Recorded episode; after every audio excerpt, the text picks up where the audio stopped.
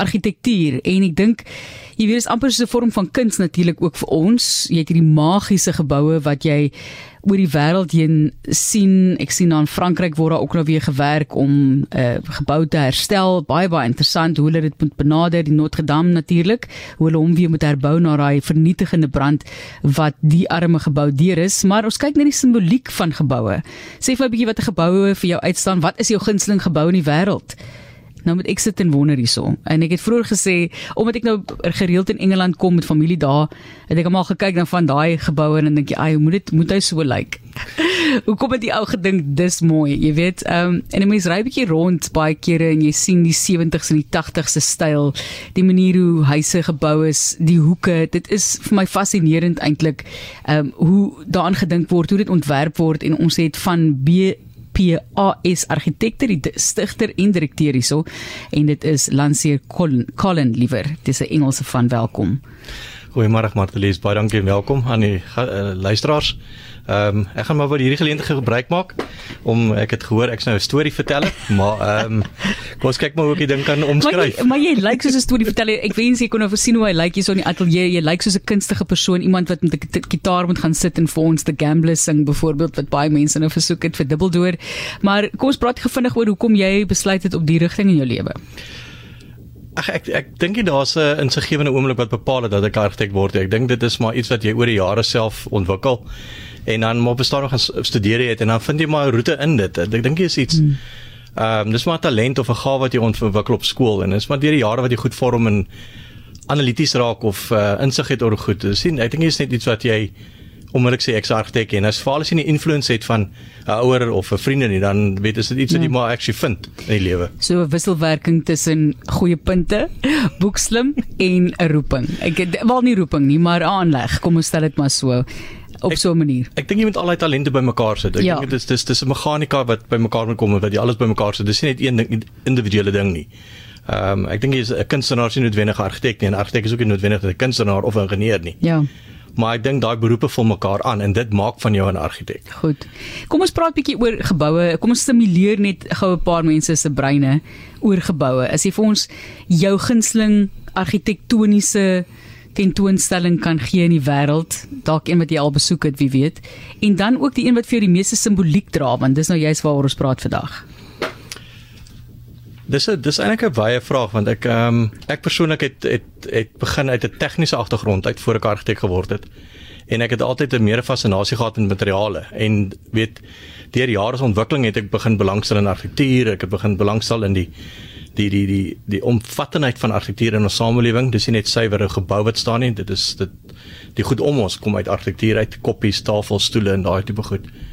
So dis baie moeilik om te sê daar's 'n spesifieke gebou wat my totaal sê dit is dis dit is my ikoniese ge, gebou waarna kyk. Gooi so 'n um, paar, net net 'n paar. Kom ons um, gee vir mense 'n visuele element om na te verwys.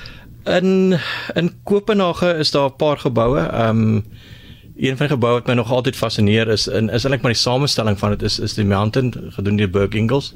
Okay, kan ek dit maar Google? Ja, is meer welkom. Right, die um, mountain deur Burke Ingels. Ag, maar daar's ook maar daar's ook weet meer meer kosse met tradisionele geboue ons kry in ons eie land het ons 'n paar mooi Karoo huise as ek dit sou kan stel. O oh, ja, definitief. Ons sit in Stellenbosch en Franshoek en Parel sit ons met 'n uh, met historiese huise. Ons het moderne interpretasie van die huise wat bevoed in in omgewings in Stellenbosch gedoen word. Ons sit met uh geboue in Londen, ehm um, weet wat deur Norman Foster gedoen was. Jy het ek dink daar's soveel voorbeelde Zahid se geboue wat sy gedoen het in Dubai ehm um, die liggame wat sy gedoen het. Ek dink daar's soveel voorbeelde van argitekswerke daar buitekant wat ehm um, eintlik soveel inspirasie gee, maar ook eintlik vir jou soveel stories vertel van die argitek self ook en ook natuurlik die omgewing. Ek sit nou en kyk na foto's van hierdie argitek en jy moet weet hoe om sy naam te spel. Dit Bjarke Ingels, nê? Nee. Ja. B J A R K E en dan Engels, nie Engels nie, Engels.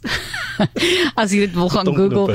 Dit is 'n fascinerende gebou hierdie en is jy weet dit is dit lyk asof dit stuk stuk aan mekaar gesit is. Dit lyk soos 'n legkaart op 'n manier. Uh die wisselwerking tussen funksionaliteit en voorkoms is ook vir my baie baie interessant natuurlik.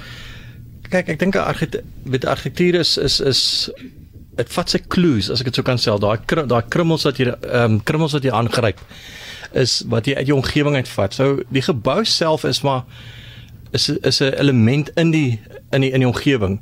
So bevoet sy gebou wat hy gedoen het is is het gekom uit is 'n baie klein erfie of 'n stuk grond.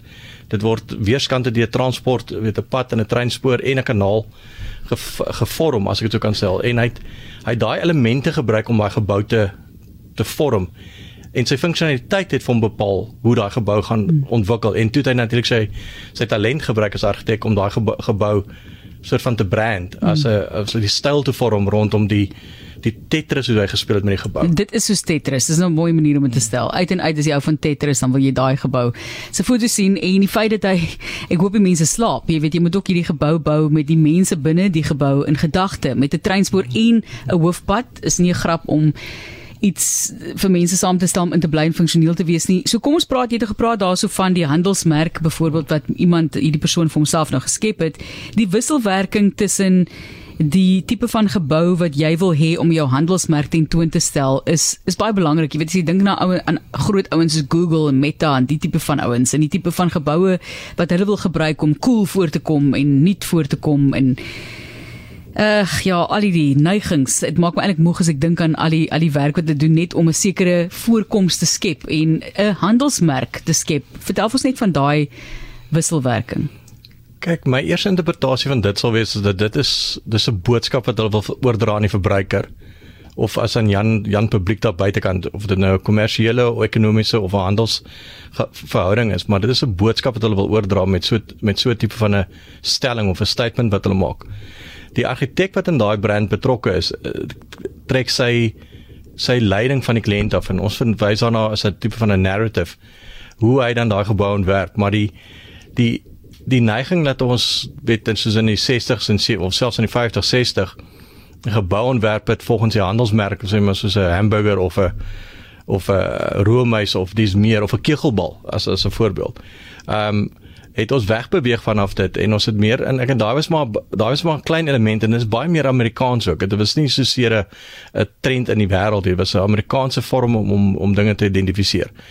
Ek dink die moderne neiging is om meer te luister na die waardes van 'n besigheid. Om om die die die visie en die missie van 'n besigheid te vat en dit te vervorm in jou struktuur en, en natuurlik hoe jy jou gebou dan in die omgewing plaas want die omgewing is 'n is 'n kardinale element van daai plasing van gebou en hoe die argitektuur gevorm word. Ek het nou hierso ook 'n luisteraar se uh, gunsteling gebou 'n bietjie gaan Google om te kyk. Ek was nog nooit wel ek is vinnig vir koffie in Duitsland. Dit kan ek sê, maar ek het nie gaan toer daar nie. En Adri Moster van Karlsrivier wat sê Rathaus Glockenspiel in München is vir my baie baie mooi en ek kyk nou daarna en as mens kyk na die Europese geboue en die geskiedenis daarso, jy weet die gotiese geboue byvoorbeeld wat jy ook baie sien natuurlik. Hoe baie inspireer dit vir jou as argitektuur vandag? Kyk, ons het, ons leer almal van dit. Ek dink dit is deel van ons akademiese opleiding. Ehm um, ons moet tog weet waar kom dit vandaan. Ehm um, selfs as ons 'n bietjie as ons nou begin in in, in die verre noorde ehm um, vakansie gaan of Europa toe gaan dis meer dan gaan besoek ons wel van die ouer geboue daar's daar's 'n daar's 'n daar's 'n mystery daar's 'n mistiek aan aan hierdie geboue se romans en hoe daai gebou gevorm is in die in die in die skaal en ek wil die materiaal en die vakmanskap I mean dis iets wat ons kan admireer. Ehm um, persoonlik vir my is is ek nie ek ek ek is dit nie as 'n is nie as 'n fondament vir my nie. Ek gebruik ja. dit baie meer as 'n as 'n as 'n visuele stimuleerder in 'n sens van dat jy kan kyk hoe dit vor, vorms ontwikkel, hoe dit skaal ontwikkel, hoe goed in in in verhouding geplaas was en dis meer. Ehm um, weet ons het maar oor jare het ons gesien in Suid-Afrika het ons 'n baie baie meer simplistiese benadering tot ons argitektuur, tot ons gebou ook. Ehm um, dit is ook natuurlik ehm um, gedryf deur materiaal wat beskikbaar is en natuurlik ook vakmanskap. Ehm um, En ek sit ook 'n um, bietjie kyk na van die ander mense wat boodskappe deurstuur. Iemand sê Grand Central Watertoring in Midrand se wonderlike estetiese bevredigende struktuur in Midrand. Dis van Marie Ashpal of dalk Marie. En dan sê iemand ook die mooiste gebou die Voortrekker Monument. Ek dink baie simboliek daarin vasgevang byvoorbeeld vir 'n persoon ook so weer eens die argitek en die handelswerk merk wat bymekaar kom en storievertelling daardeur. Wat is die die laaste punt van jou kant af in terme van daai samewerking, die handvat tussen 'n handelsmerk? Jy weet ons eintlik is ons almal handelsmerke. Mense dink handelsmerke is groot maatskappye, maar jy as mens is 'n handelsmerk. Dis 'n aardige ding om te sê dat 'n mens 'n handelsmerk is, maar jy ons almal verkoop iets soos soos baie mense vir jou sê dit maak nie saak wie jy is nie. Ons almal verkoop op 'n manier iets en vir baie mense is dit 'n vorm van handelsmerk. Inderwaar ehm um, kyk ek dink daar's in 'n argitek se lewe is daar basies drie forme van handelsmerke. Dit is sy praktyk dit is homself en sy werk. Um, om daai drie te laat balanseer met mekaar is dit is dit basies 'n besigheidsverhouding en 'n kuns kunstenaarsverhouding hoe om dit te laat werk dat jy actually die drie kan ontwikkel maar hoe jy dit deurtrek na jou kliënte is om actually in 'n vennootskap met jou kliënte wees, 'n vennootskap met die met die besigheid met wie jy handel dryf. En dan ook om daai interpretasie te te, te jy soort van te luister. Ehm um, daai energie te vat van daai storie wat hulle vertel en dit te verwerk in 'n verhaal in 'n storie wat jy in die gebou vertel. So dit bly dit bly maar heeltyd 'n wisselende wisseling tussen tussen handelsmerke en verhoudings.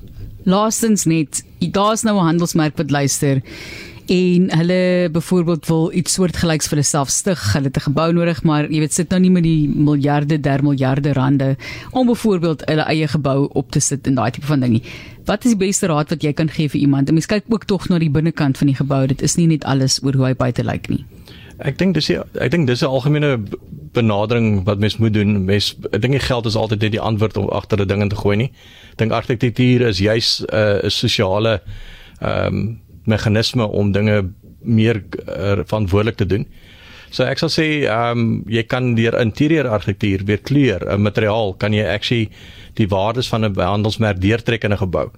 'n Gebou homself kan hom verleen na baie funksies toe en ek dink daar waar ons 'n gebou ontwerp het om so 'n sekere tipe of so 'n skool of 'n kerk of hospitaal te lyk is besig om te verander waar daai gebou oor 'n paar jaar van nou omgeskakel kan word in 'n hele ander tipe verbruiker.